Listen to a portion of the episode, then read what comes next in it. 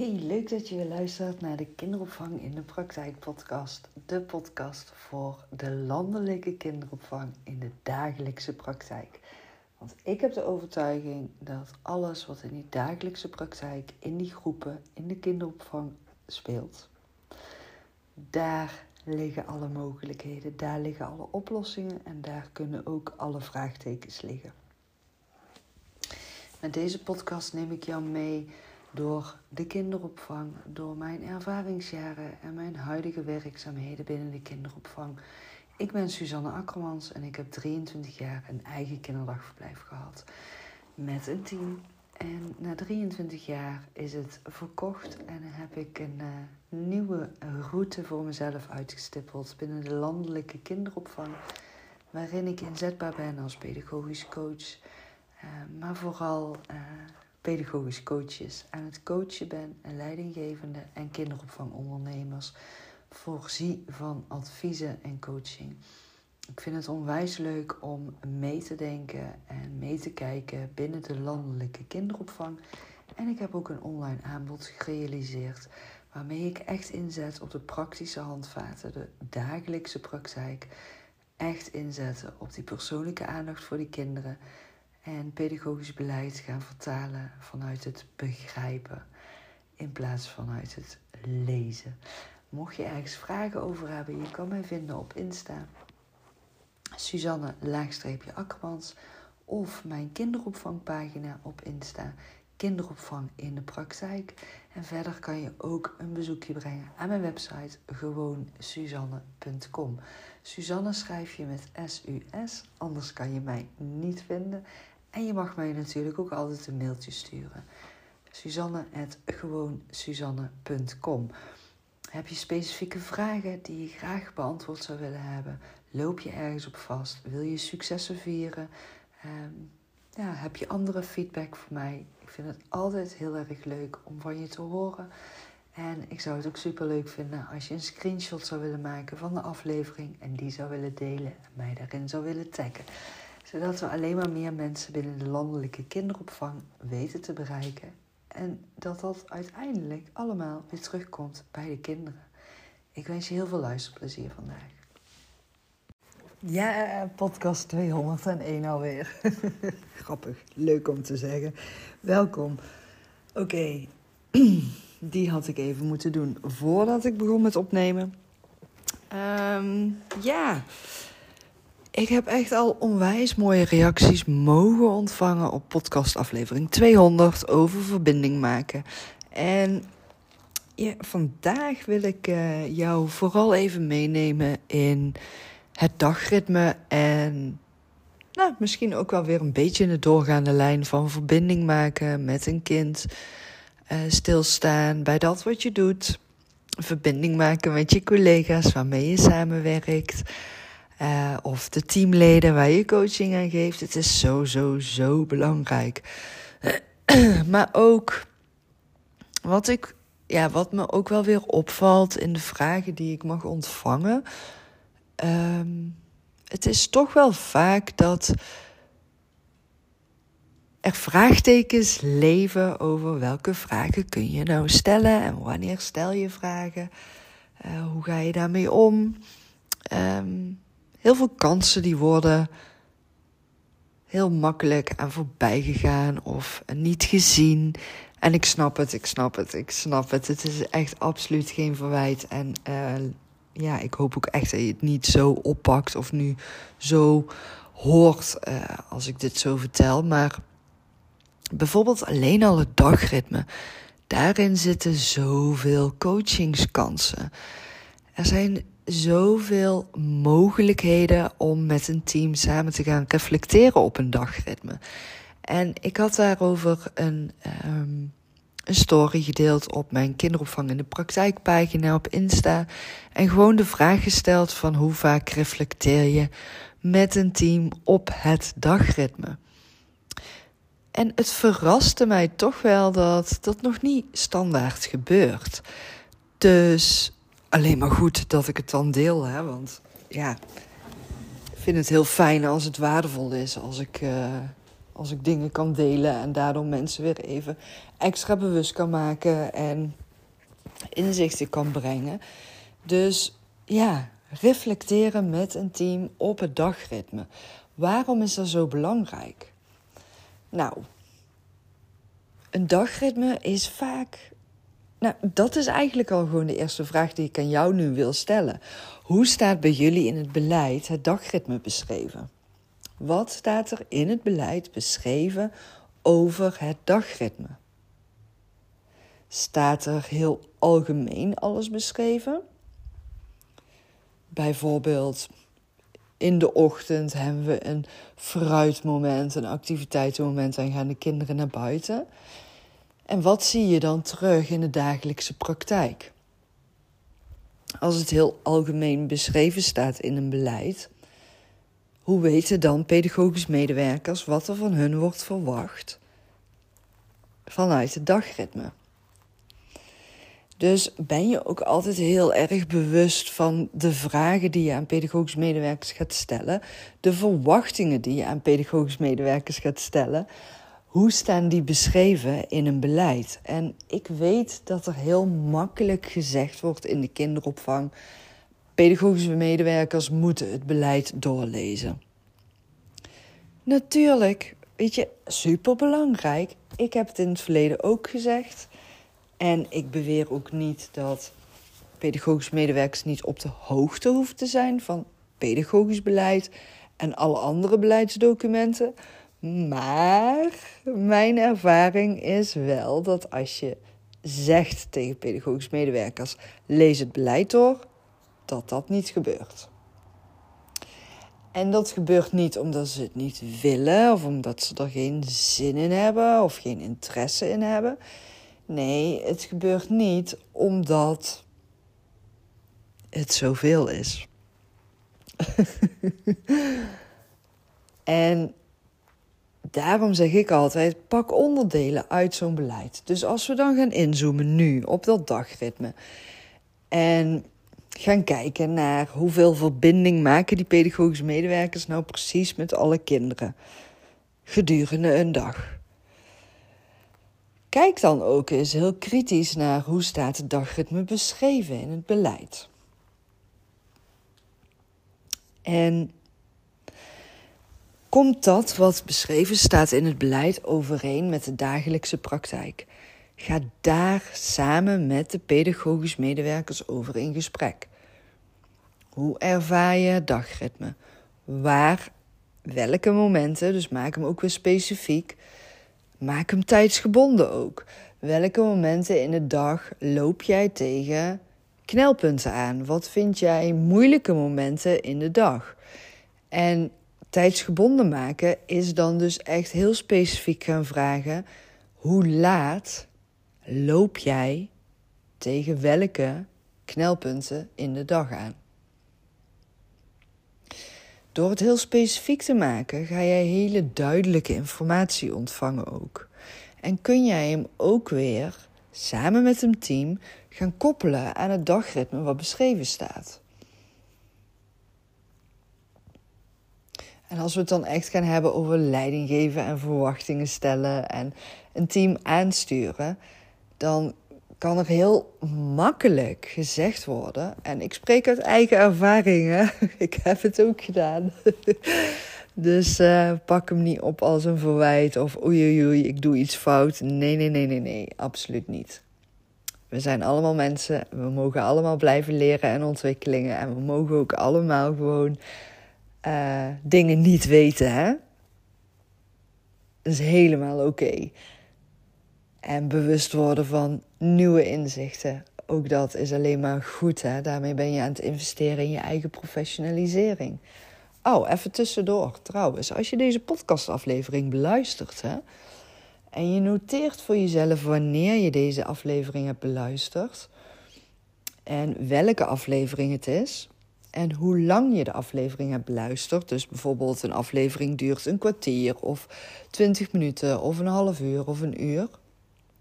En je noteert dat voor jezelf in je urenregistratie bij beleidsuren. Dan kan je dus ook de podcast meetellen als beleidsontwikkeling van jou als beleidsmedewerker. Even tip tussendoor. Maar oké, dus je gaat dus die ehm, vragen heel specifiek maken. Welke momenten van de dag loop je dan dus tegen die problemen aan? Dan ga je samen met een team bekijken. Hoe hebben wij het dagritme beschreven staan? En ehm, wat ik net zei, als je leiding gaat geven en je zegt tegen teamleden: Ik verwacht dat je volgens het dagritme werkzaam bent. Oké, supergoed. Wat ik net al zei, heb ik zelf ook altijd gezegd. Maar ben jezelf dan ook bewust van wat staat er beschreven in het dagritme? En ik ga niet zeggen dat je het dagritme van uur tot uur moet uitschrijven in het pedagogisch beleid. Maar ik zou wel in het pedagogisch beleid voor de medewerkers gaan verwijzen naar het personele beleid of een pedagogisch werkplan als je dat hebt. Ik ben echt een voorstander van een pedagogisch werkplan in huis hebben. En niet om nog meer papierdocumenten op de stapel te kunnen leggen die mensen toch nooit gaan doorlezen. Nee, maar wel om een pedagogisch werkplan samen met een team te gaan maken aan de hand van de hoofdstukken die er zijn in een pedagogisch en personele beleid. En daar hoofdstukken uit gaan halen. En die dan gaan beschrijven. En dan pakken we hem nu even specifiek op het dagritme. Dan ga je vanuit het beleid bij het hoofdstuk dagritme verwijzen naar personele beleid of pedagogisch werkplan, waarin het verder uitgebreid beschreven staat. en dan ga je echt minimaal drie overlegmomenten besteden aan het dagritme, samen met het team op reflecteren en bespreken. En dan ga je echt inzoomen uur van uur tot uur. Wat doen we van half acht tot negen? Wat wordt er verwacht van de pedagogische medewerkers? Hoe hebben we beschreven staan dat onze oudercontacten zijn en hoe kunnen we daar vorm aan geven tussen half acht en negen? Wat wordt er dan van jou als pedagogisch medewerker verwacht? Wat is er dan noodzakelijk om op in te zetten tijdens de ontvangstmomenten, maar ook weer tijdens de ophaalmomenten? En dat met elkaar gaan bespreken. Hoe geven de pedagogische medewerkers daar nu uitvoering aan? Wat doen ze? Waar zijn ze in de ruimte? Waar letten ze op? Wat bespreken ze met elkaar? Nou, alleen al dat moment van half acht tot negen kan je al een uur met een heel team over in gesprek gaan, hè? En dan denk je misschien, wow, superveel werk. Is dat niet overdreven? Is dat nou nodig? Ja, dan kan je me echt een zeikert vinden. maar ik vind het heel erg nodig en belangrijk. Door daarop in te zoomen, echt het dagritme helemaal gaan ontleden met het team samen. Luisteren, vragen stellen. Hoe ervaren zij ieder moment van de dag? Waar lopen ze tegenaan? Wanneer lopen ze daar tegenaan? Hoe komt het dat ze daar tegenaan lopen? Loopt iedereen daar tegenaan? Dus zijn alle teamleden, hebben alle teamleden problemen, uitdagingen, moeite met het moment van bijvoorbeeld vier tot half zes? Zo ja, wat betekent dat dan? Wat is dan de oorzaak daarvan? Wat mag je dan gaan veranderen in het dagritme? Wat mag je gaan veranderen in de samenwerking? Of waar hebben de teamleden behoefte aan ten aanzien van het pedagogisch handelen en het aan kunnen sluiten op die behoeftevraag van die kinderen? Dus dan komen we weer terug uit op juist de verbinding, de voorspelbaarheid, de overgangsmomenten. Hoe worden die georganiseerd? Hoe goed weten de PM'ers waar de kinderen behoefte aan hebben? Hoe efficiënt zijn ze aan het samenwerken? Nou ja, en dan hoor je nu allemaal, ik ga weer helemaal los hierop. Want hierin komt ook weer alles samen. Als ik ergens eh, word ingevlogen voor bijvoorbeeld een hoge werkdruk, of als ik ooit vragen krijg over een hoge werkdruk in de kinderopvang, ik ga altijd inzoomen op het dagritme en wie doet wanneer wat. Nou ja, daar heb ik nu dus ook allemaal diverse losse bundels van gemaakt. Ehm, werkboeken en handboeken. Voorheen zat het allemaal in het stappenplan kinderopvang. Ehm, die training is zojuist afgerond. Ik zit me nu ook af te vragen of die nog wel of niet op mijn website staat eigenlijk. Want je kan er nog steeds voor kiezen om die training in zijn totaliteit te volgen. Uh, dan ontvang je er ook video's bij. Maar ik heb nu dus ook besloten om al die werkboeken in losse pakketten aan te bieden. En die zijn nu samengebracht in, even denken. Er is al een pakket teamcoaching. En daarin zit dan dus ook echt dagritme, maar ook taakverdeling. Hoe je dus vanuit een dagritme een taakverdeling kan maken. En hoe je dus vanuit die taakverdeling en dagritme weer een heel pedagogisch werkplan kan maken. Daar, die kan je daarvoor ook weer helemaal gebruiken. Uh, er zijn volgens mij drie werkboeken met allerlei templates erbij. Dat is dan teamcoaching uh, werkboekenbundel. Uh, waarmee je dus echt coachende vragen, opdrachten en voorbeelden ontvangt van hoe je dus tot een efficiënte samenwerking kan komen vanuit een dagritme onder de loep nemen. Um, dan heb ik nog een werkboekenpakket van um, missie naar visie. Uh, dan ga je echt vanuit um, het pedagogisch beleid kijken naar wat staat er nou precies beschreven in het beleid. Waar hebben teamleden behoefte aan en hoe kunnen we dat dan weer gaan vormgeven in een praktische vertaalslag daarin maken. Kan je ook weer gebruiken om een pedagogisch werkplan van te maken. En dan heb ik nog een werkboekenbundel uh, van pedagogisch handelen. Daar kreeg ik trouwens ook een vraagje over van dat een beetje onduidelijk was. En nou ja, aanleiding van die vraag en opmerking, feedback die ik daarover mocht ontvangen, dacht ik van ja, inderdaad, het staat helemaal niet duidelijk beschreven. Dus die heb ik ook weer even voor mezelf op mijn actielijstje staan om die duidelijker te gaan uh, verwoorden op mijn website. Maar, uh, want die pedagogische uh, handboekenbundel, die je nu dus ook kan winnen wanneer je podcastaflevering 200 hebt gedeeld en mij daarin hebt getagd, dan krijg je 19 april uiterlijk te horen wie de twee winnaars gaan zijn. En die winnen dan dus een pedagogisch handboekenbundel. Um, en die staat nu op mijn website omschreven als pedagogisch handboek deel 3 en 4. Maar daarin zitten dus vijf hand- en werkboeken die je krijgt. Daar heb ik ook uitleg over gegeven in uh, podcastaflevering 200. Dus als je die uitleg nog een keer wil horen, dan moet je even teruggaan naar podcastaflevering 200 en helemaal op het einde even terugluisteren. Of kijk even op mijn website of social media. Maar bij Pedagogisch Handboek deel 3 en 4 ontvang je dus in zijn totaliteit vijf hand- en werkboeken. Uh, met complete uitleg over ontwikkeling van een kind, uh, behoeftevraag van een kind, uh, hoe je dus pedagogische adviezen kan inzetten, maar ook krijg en ontvang je van mij pedagogische adviezen ten aanzien van wat doe je als een kindje bijvoorbeeld wordt neergezet door ouders. Wat doe je als een baby alleen maar wil zitten, omdat het dus continu wordt neergezet door ouders, maar zelf nog niet die ontwikkeling heeft doorgemaakt. Wat doe je als een baby uh, niet wil slapen, uh, niet de fles wil drinken? Uh, wat doe je als een dreumes gaat bijten?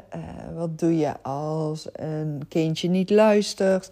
Wat doe je als een BSO-kind een grote mond heeft? Um, nou ja, heel veel van die vragen waar ik dus antwoord op geef adviezen, tips voor meegeef. En daarnaast ook nog uh, coachende opdrachten voor behoeftevraag van het kind, spelmaterialen, spelactiviteiten aanbod en gebruik van de ruimte. En je kan heel die bundel, die kun je, ja, weet je, je bestelt hem één keer, je ontvangt alles in PDF-bestanden, dus je kan hem zo vaak printen als je maar wil. Je kan hem aan pedagogische medewerkers meegeven. Je kan ze op groepen neerleggen, zodat ze altijd zelf op de groep ook zo'n bundel hebben liggen. Dus dat is uh, heel divers. Ja, weet je, ik bied het nu aan voor 39,95. Je kan hem nu winnen. Het is echt een absurde prijs die ik ervoor uh, hanteer. Want het is echt mega, mega, mega, mega praktisch en waardevol. En niet om mezelf nou de hemel in te prijzen, maar het is gewoon echt zo. Anders zeg ik dat niet. En dan heb ik nog een handboekenbundel op de website staan voor pedagogische coaches. Met echt allerlei uitleg en tips over hoe kun je nou coachen als je meerdere petten op hebt. Hoe kun je coachen als er weerstand aanwezig is. Ehm, hoe kun je een jouw vorm geven? Hoe kan je een coachplan maken? Hoe kan je coachen vanuit een coachplan? Um, coachen on the job. Welke vragen kun je wanneer inzetten? Um, een voorbeeld template van een behoeftevraag-inventarisatielijst voor de start van een coachjaar. Um, ja, echt alle praktische handvaten die je nodig hebt als pedagogisch coach. En voorheen had ik natuurlijk coach on the job. En ik had een handboek voor de pedagogisch coach. En die heb ik nu gebundeld in handboek deel 1 en 2 voor de pedagogische coach. En daarin heel veel nieuwe tips en adviezen toegevoegd. Dus uh, heb je misschien in het verleden al coach on the job of handboek voor de pedagogische coach besteld? Dit zijn echt nieuwe toevoegingen, uitbreidingen op die voorgaande bestanden. Die nu dus niet meer te koop zijn en dus volledig vervangen en vernieuwd en uitgebreid zijn. En die bied ik nu aan voor 1995. Dus uh, nou, dat was even het promotierondje. waarmee ik deze korte uh, podcast afsluit voor vandaag. En uh, ja, ik ben weer heel benieuwd wat je er voor jezelf uit mee gaat nemen. Wat is het eerste wat je nu, naar aanleiding van deze podcast, gaat doen? Altijd leuk als je het met me wilt delen. Heb je een vraag voor mij? Stuur mij een berichtje. Ik beantwoord het graag. Ik help je graag vooruit. Ik kreeg ook nog de vraag van: Goh, Suzanne, ik zag vorige week ergens voorbij komen dat ik een uurtje met je kan sparren. Um, ik heb daar toen niet op gereageerd, maar uh, kan ik nog gebruik maken van dat aanbod? Ja, dat kan. En uh, dan betaal je, oh, volgens mij 49 euro ex-BTW voor een uur specifieke adviezen en tips van mij, coaching van mij. Ook ten aanzien van bijvoorbeeld pedagogisch handelen. Als je in een situatie vastkomt uh, te zitten met teamleden, met een kindje bijvoorbeeld. Ik merk dat ik de laatste weken daar regelmatig telefonische uh, coachingssessies uh, voor mag geven. als ondersteuning voor pedagogische coaches, maar ook voor teamleden. Dus mocht je daar behoefte aan hebben, dan kun je daar dus ook gebruik van maken met zo'n coachcall. Dus ik ga hem gewoon even standaard in mijn aanbod opnemen op mijn Insta-pagina. Dus die staat niet op mijn website. Ik ga hem gewoon even los toevoegen op mijn Insta-pagina. Um, als je daar gebruik van wil maken, stuur mij dan ook altijd even een mailtje of een DM-bericht. En maak dan de betaling in orde. En dan plannen we samen ook een datum in. Uh, en dan help ik jullie daarin ook vooruit. Dus um, ook dat kan. Oké. Uh, verder geen promotie meer nu. ik ga hem afronden. Tot de volgende keer.